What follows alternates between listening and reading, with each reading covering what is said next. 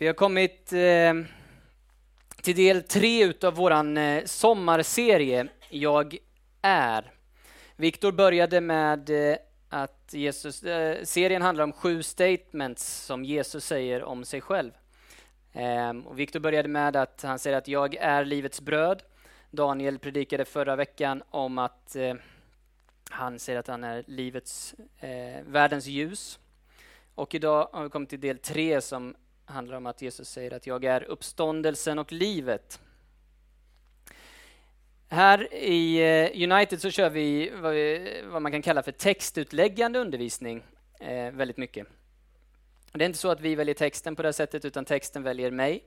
Eh, jag har fått tilldelat det här bibelordet ska jag lägga ut idag. Och eh, det är väldigt spännande. Då får man eh, mer titta på historien, vilken kontext är det skrivet i, vem är det skrivet till, eh, vad betyder det för oss idag? Eh, mer dissekera ordet och se vad, vad det säger. Eh, och det är väldigt spännande. Så det ska vi försöka med, eller jag försöker med idag. Eh, jag kan säga redan nu att poängen i den här berättelsen det är en sak som är eh, en av hörnstenarna i kristen tro, att Jesus är uppstånden. Ehm, och det är det som vi ska titta på. Man kan diskutera uppståndelsen fram och tillbaka. Det kommer vi inte att göra, utan eh, vi kommer titta på vad det här bibelstället säger om det.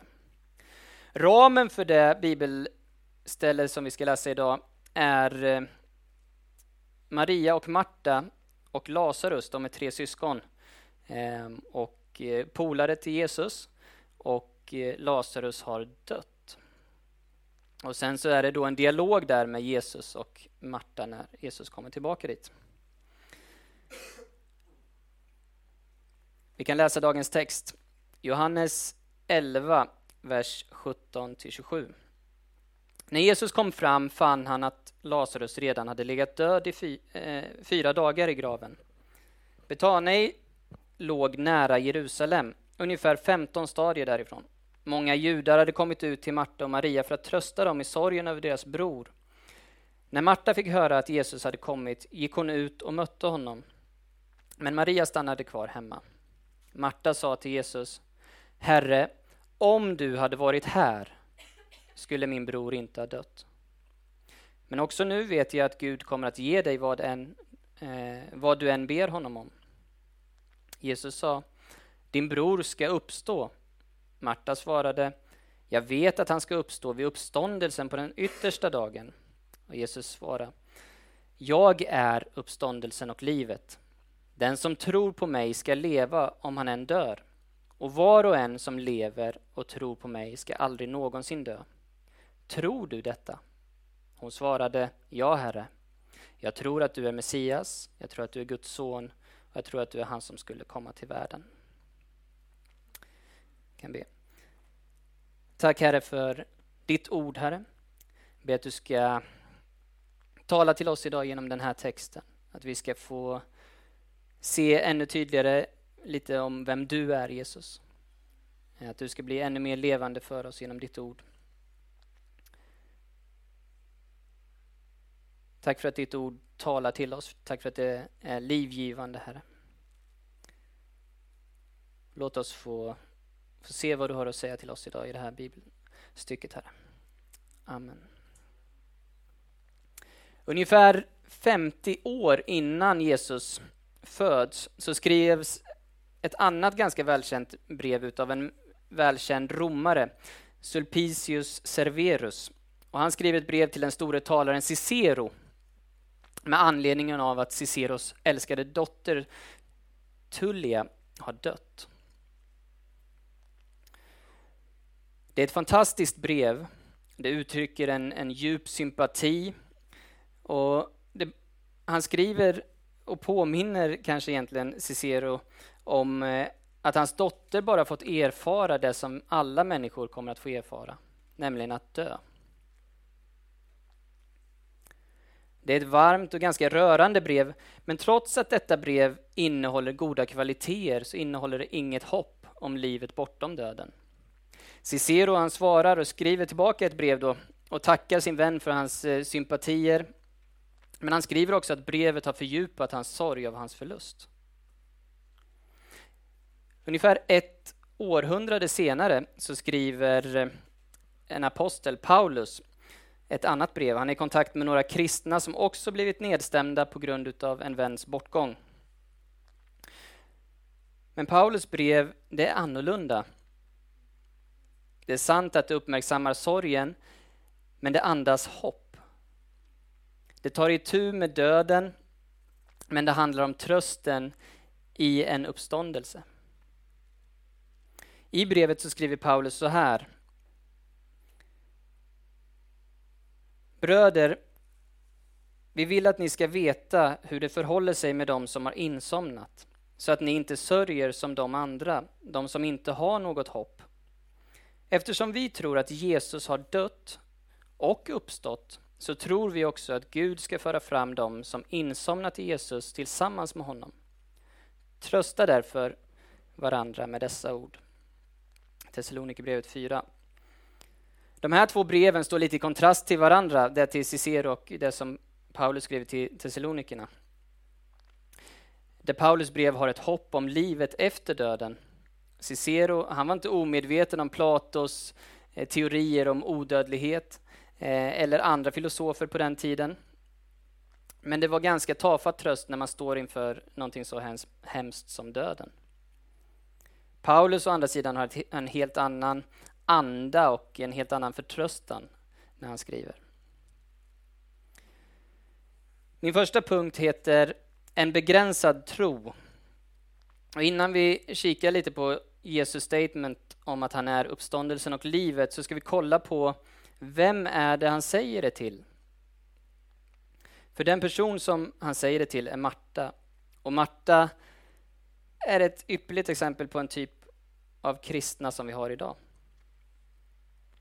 Det är inte kristna som misstror Jesus, men det är heller, de tror heller inte fullt ut, eller förtröstar fullt ut. Så de vågar inte lägga sina bekymmer och hela sina liv fullt ut i hans händer.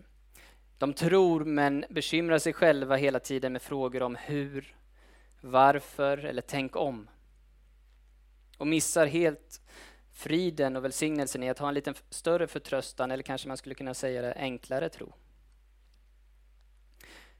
Och en sån tro försöker alltid att begränsa Gud eller samma sak att förminska hans löften.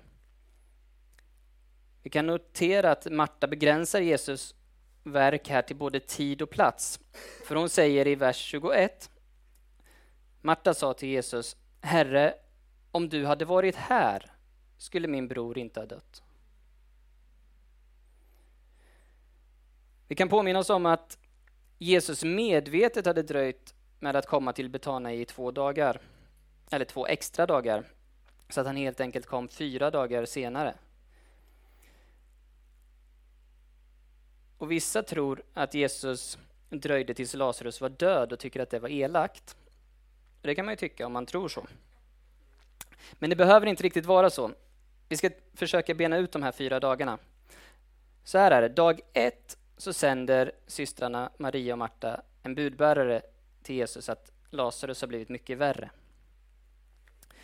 Men grejen är den att när budbäraren har lämnat precis så dör Lazarus. Och på den här tiden så begravde man folk väldigt fort för att det är ett varmt klimat, sjukdomar spreds lätt. Så det innebär att när budbäraren kommer fram till Jesus så har han redan dött. Det är dag ett. Sen stannade Jesus dag två och tre i det område där han var, i, i, runt Jordan, för att sen på den fjärde dagen återvända till Betanai och uträtta det här undret. Så Lazarus var alltså redan död när Jesus fick budet om att han var sjuk. Jesus visste om att han var död och därför dröjde sig kvar, inte för att Lazarus skulle hinna dö, utan för ett helt annat syfte. Syftet med att dröja kvar var att det inte skulle finnas några som helst tvivel om att Lazarus var död. Och då heller inte något tvivel om det Jesus gör, att det är ett mirakel. Marta hon förstod inte det, riktigt detta, det skulle inte jag heller gjort om jag var hon i den här situationen. Eh, det är lättare nu när man har facit i hand så att säga.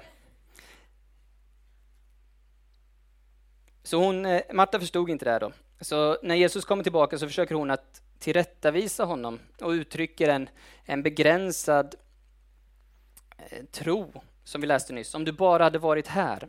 Hon tänkte helt enkelt att Jesus uppenbarligen inte kunde ha gjort någon, eller uppenbarligen kunde ha gjort någonting fyra dagar tidigare som han inte kunde göra nu. Eller hur? Om han hade varit där, då hade han inte dött. Nu fyra dagar senare så kan han inte göra någonting. Och en vers senare, om vi hade fortsatt, eller om vi läser, så stod det ju att eh, Gud kommer att ge dig vad än du ber om. Men det inkluderar inte att uppstå från de döda. När hon lite senare, om vi hade fortsatt läst kapitlet, så när Jesus vill att de ska ta bort stenen för att han ska uppväcka Lazarus, så säger hon nej, nej, ta inte bort stenen, det luktar illa redan. Så hon begränsade alltså Gud till plats och tid. Om du bara hade varit här. Så det betyder att hon inte trodde att Jesus kunde hela från ett avstånd. Sen gör hon det igen och hon reagerar på Jesu löfte om att din bror ska uppstå genom att säga ja, jag vet att han ska uppstå vid uppståndelsen på den yttersta dagen, alltså i framtiden. Och På samma sätt så försöker ganska många av oss att begränsa Jesus. Vi tror att han är kapabel att göra allt han säger att han kan göra, men kanske inte här och nu. Åtminstone så förväntar vi oss det inte och så blir vi väldigt förvånade och ibland lite tveksamma när han gör det. Det andra karaktärsdraget i Martas tveksamma tro är att hon inte tar Guds ord personligt. Det första ordet Jesus säger när han kommer tillbaka till Betania är att din bror ska uppstå. Men istället för att ta detta på ett personligt sätt som ett löfte att Jesus verkligen skulle uppväcka Lazarus här och nu så stöter Marta bort orden på framtiden som att det inte hade någonting att säga i den här situationen. Så gör vi också med många av Jesu löften. Vi tror på dem i en mening genom att vi tror på dem, hans löften för andra personer. Jag har mycket lättare att tro för, på Guds löften för en annan person. Eller hur? Eller så tror vi att det är längre fram, inte här och nu. En avlägsen framtid, men vi tar inte till oss det personligt här och nu.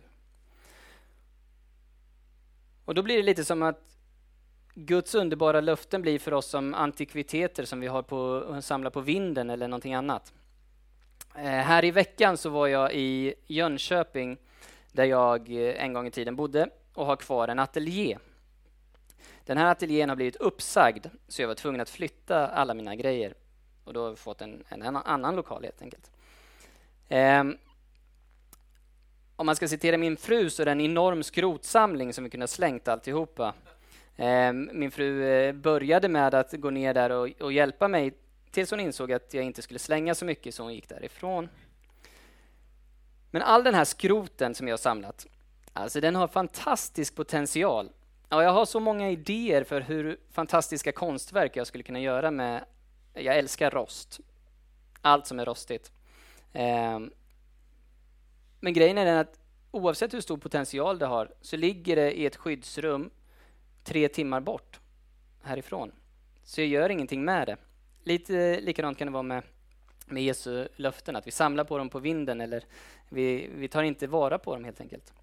Det finns ganska många sådana olika uh, stories. Eh, tänker på, på en. Det handlar om ett franskt gammalt par som var väldigt fattiga och så kom det en och besökte dem.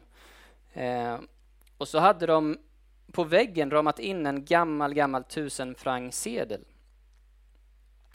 Och den här personen som kom och besökte dem undrade vad är storyn bakom, bakom den där sedeln? Och det visade sig att för, för länge, länge sedan så hade de hjälpt en officerare som var sjuk och tagit hand om honom och så hade de fått den utav honom som tack. Och sen hade han dött. Så då tänkte de att vi ramar in den och sätter upp den på väggen som ett minne utav honom. Det de inte visste var att de har levt hela sina liv i fattigdom och att den här sedeln idag var värd en mindre förmögenhet. Och jag tänker att det är ganska olyckligt, men att det är så för många av oss med de löften Gud har gett oss. Och så borde det inte vara. Punkt nummer två så tänker jag att Jesus undervisar Marta. Nu har vi kikat på Marta och nu ska vi ta en koll på hur Jesus Eh, och hur han handskas med henne.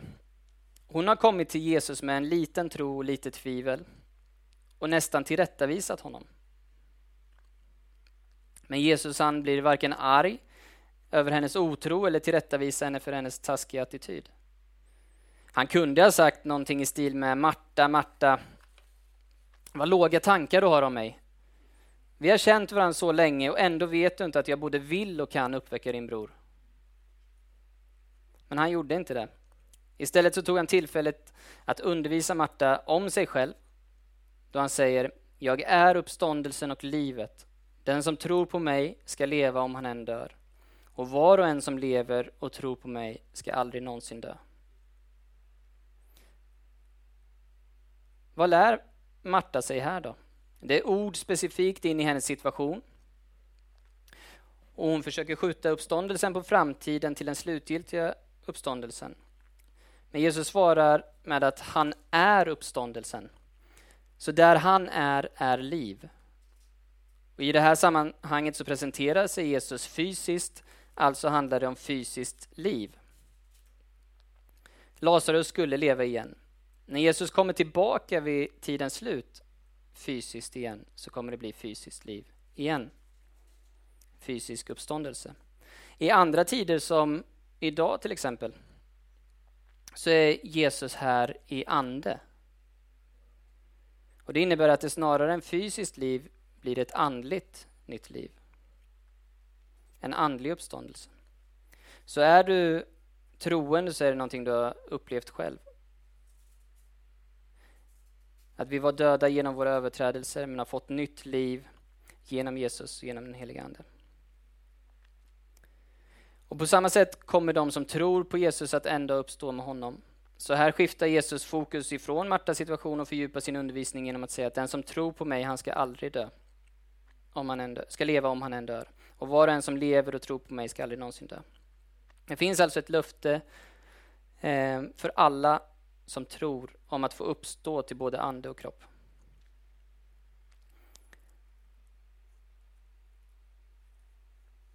För det tredje, den avgörande frågan. Den springande punkten. Och den här frågan tror jag vi alla ställs inför någon gång. Detta leder till en slutsats som även Jesus avslutar med till Marta. Det är en slutsats i form av en fråga. Tror du detta? Jesus hade gjort ett ganska magstarkt statement om sig själv, att han är uppståndelsen och livet och nu frågar han, tror du på detta? Tror du verkligen det? Det är en fråga som jag skulle vilja lämna även till dig. Tror du på det? Medan du funderar så kan du notera att eh, Jesus talar om tro och inte känsla. Han säger inte till Marta, känner du dig lite bättre nu när jag sagt det här? Tyckte du det var tröstande det jag sa? Eller har du fått tillbaka din optimism nu när jag har kommit? Enligt Jesus så tycks det inte vara det som är viktigt hur hon kände, utan det som var viktigt var om hon trodde. Alltså känslor kan vara förrädiska. Jag kan vara en känslomänniska ibland. Oftast är jag inte det. Men på morgonen är jag det. Jag känner aldrig för att gå upp. Det var likadant den här morgonen. Vaknade strax innan sju, men kliver inte upp förrän strax efter nio, då min fru har varit på mig ett antal gånger. Jag känner aldrig för att gå upp. Det förrädiska med känslor är att de kommer och går också. Tro däremot är mer som ett fixerat ankare fast i berggrunden. Att tro på det ord som Jesus säger att, eh, är att tro på det ende vars löften är trovärdiga. Jesus är väldigt specifik i sin fråga. Han frågar inte om hon tror lite allmänt på det han har sagt, utan om hon tror på det här. Tror du specifikt på det som jag lär dig nu? Jag ställer samma fråga till oss. Jag förmodar att vi skulle få flera olika svar här inne. Tror du det som är skrivet i ordet? Om du är troende så borde ditt svar vara ja, Herre, jag tror. Jag tror på allt som står i ditt ord. Jag tror på en stor Gud som har skapat himmel och jord och placerat mig på den. Jag tror att jag är full av synd. Jag tror att Gud i kärlek sände sin son Jesus att dö i mitt ställe så att jag kunde bli räddad. Jag tror att Jesus existerar med Gud, att han är Gud från början, att han blev människa och att hans död var ett substitut för mig så att min synd kunde bli lika frånskild som öst är från väst. Och att min synd inte kommer att hållas emot mig något mer. Jag tror på personen och kraften i den heliga Ande. Jag tror att den heliga Ande öppnar våra ögon så att vi kan se Kristus och få frälsning. Jag tror att den heliga Ande lyser upp ordet så att de som tror kan förstå och följa det. Jag tror att de troende, eller tror på de troendes gemenskap, kyrkan. Jag tror att den heliga Ande hjälper oss att bli mer lika Jesus. Jag tror att Jesus kommer att komma tillbaka. Jag tror på uppståndelsen. Jag tror på ett himmel, en himmel och ett helvete. Det finns ganska mycket man skulle säga, kunna säga, givetvis mycket mer. Men varje troende borde åtminstone kunna säga någonting i stil med det. Kanske tänker du, jag vet att det som står i Bibeln är bra. Men jag önskar jag kunde bekräfta allt. Men jag har inte kommit så långt i mitt liv och i min tro. Jag kan inte säga ja till allt helt säkert. Vad ska jag göra då? Om du tänker så, så är nästa vers till dig. Vers 27. Tror du detta? Hon svarar ja, Herre. Jag tror att du är Messias. Jag tror att du är Guds son och han som skulle komma till världen. Och här kan vi notera att hennes svar inte var ett direkt svar på hans fråga. Men det var ändå ett bra svar. Hon svarade inte mer än vad hon trodde, men hon svarade det hon trodde. Och jag tror att hon efter detta fick en större förståelse och tro. Vi kan kalla hennes svar för trons fotfäste, då det var en säker grund som hon kunde klättra vidare från. Lite som en eh, bergsklättrare som, som ser en klippa som för vem som helst ser helt omöjlig att klättra upp för. Men så finns det en liten, liten utbuktning bara som är tillräckligt stark så kan man häva sig upp mot nya, nya höjder. Och jag tror att det är vad Marta gjorde. Hennes kunskap var inte stor, men den var fast förankrad och stark och så kunde hon bygga vidare på den. Och Det är min önskan för oss att i den här serien med de här sju statements att vi ska få se och få en ännu större kunskap om Jesus och uppenbarelse om vem han är. Jesu ord är en, det är en grymt bra början att bygga sitt liv på, då de är trovärdiga och sanna. Vem som helst annan person som säger någonting kan man ifrågasätta dennes sanning eller relevans eller trovärdighet. En person kan tala sanning en gång och sen ljuga en annan gång. Eller så säger en person en delvis sanning mixad med lite fel, typ ungefär som fiskaren som säger hur stor fisken är. Eller så kanske en person inte vet vad sanningen är. Men Jesus är annorlunda där. Jesus talade sanning, ingenting annat än sanning och hela sanningen. Och han säger dessutom att han är sanningen i Johannes 14 och 6. Jag är vägen, sanningen och livet. Det intressanta här tycker jag, det är att det är Jesus som säger detta om sig själv. Det är inte någon annan som säger det om honom. Och det är en bra start i alla religiösa diskussioner. Vad har personen i fråga själv sagt om sig själv? Varför är det så ofta när det kommer till religiösa frågor så upprepas frekvent en åsikt utav någon som inte har någon kunskap om det och folk köper det. Men Jesu ord på samma tema, som han har kunskap om, ignoreras. Generellt så tror jag att det beror på att folk inte gillar vad Gud säger till dem.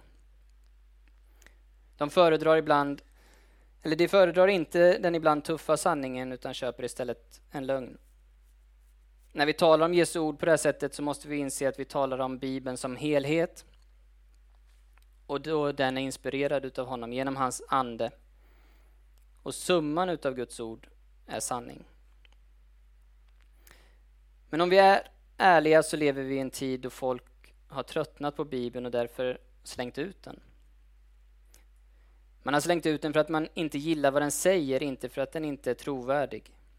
En del tror att man slängt ut den för att vetenskapen har bevisat att den inte är sann. Men det finns ingen som har bevisat att det som står inte är sant. Så den anledningen stämmer inte. Anledningen är att man inte gillar vad den har att säga. För Bibeln visar att människan är syndig och i behov av en frälsare. Och det tycker de flesta inte om att höra.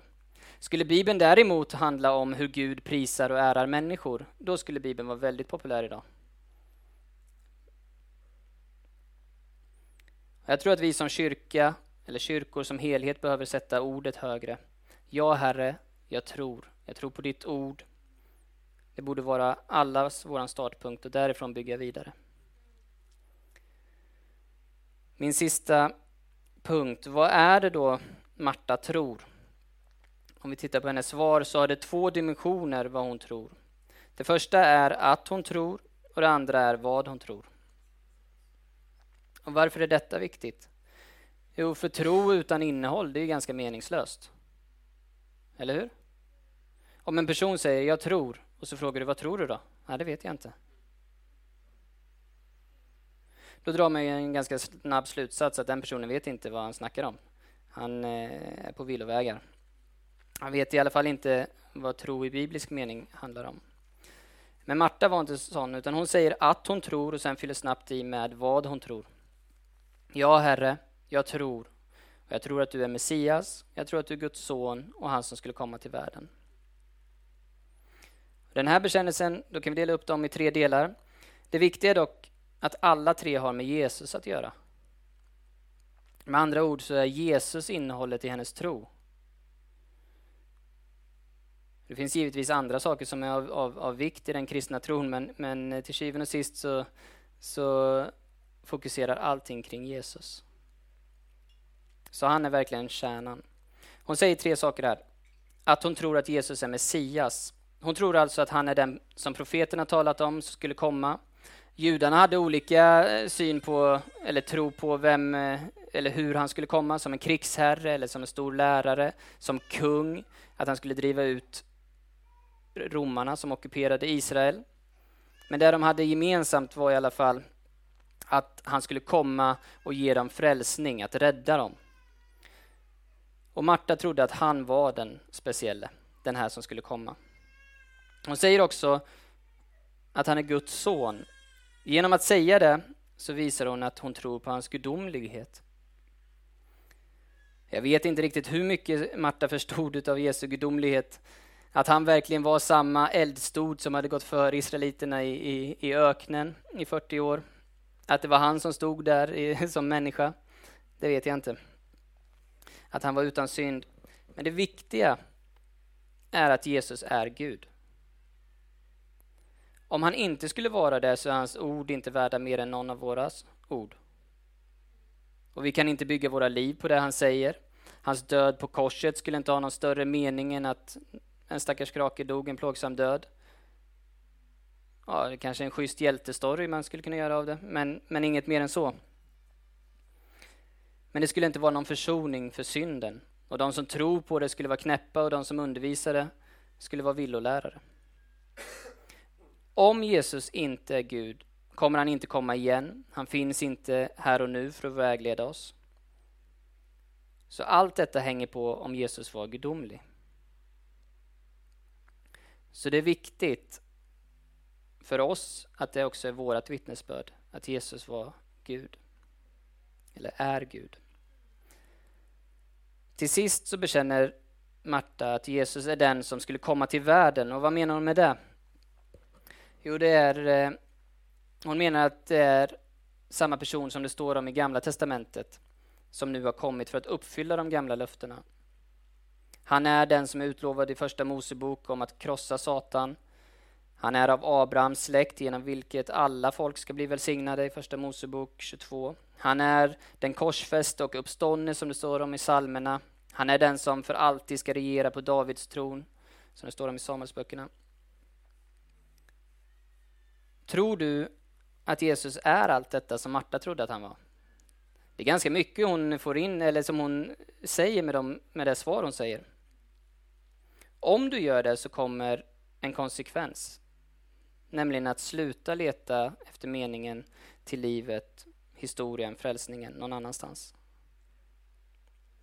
Somliga säger att de är kristna, men lever inte som det. De säger att de tror på Jesus, men förväntar sig ingen hjälp ifrån honom. Istället förlitar man sig på vetenskap, utbildning, ekologiskt, surdegsbröd, politik eller vad det nu kan vara som har fångat samtidens intresse. Och jag är inte emot allt det. Det är jättebra. Vi måste ha det. Men det i sig själv är inte lösningen på samhällets alla problem. Vi kan jobba mot att lösa problem, men det slutgiltiga är det bara Jesus som kan lösa. Han har gett en lösning på problemet synd. Och tids nog så kommer han tillbaka för att lösa alla problem och regera. Är din tro som Martas? Är den baserad på kunskap i Guds ord och centrerad kring personen Jesus? Eller är den utan substans, utan innehåll och därför inte mer än en sinnesinställning? Eller har du ingen tro idag? Jesus är sanningen och livet. Att börja med att ta emot honom och tro på honom, det är en bra start. Och vi är alla på en resa. Vi är alla i en process. Ingen av oss kommer att vara färdiga i vår tro fram till den dag då vi möter honom.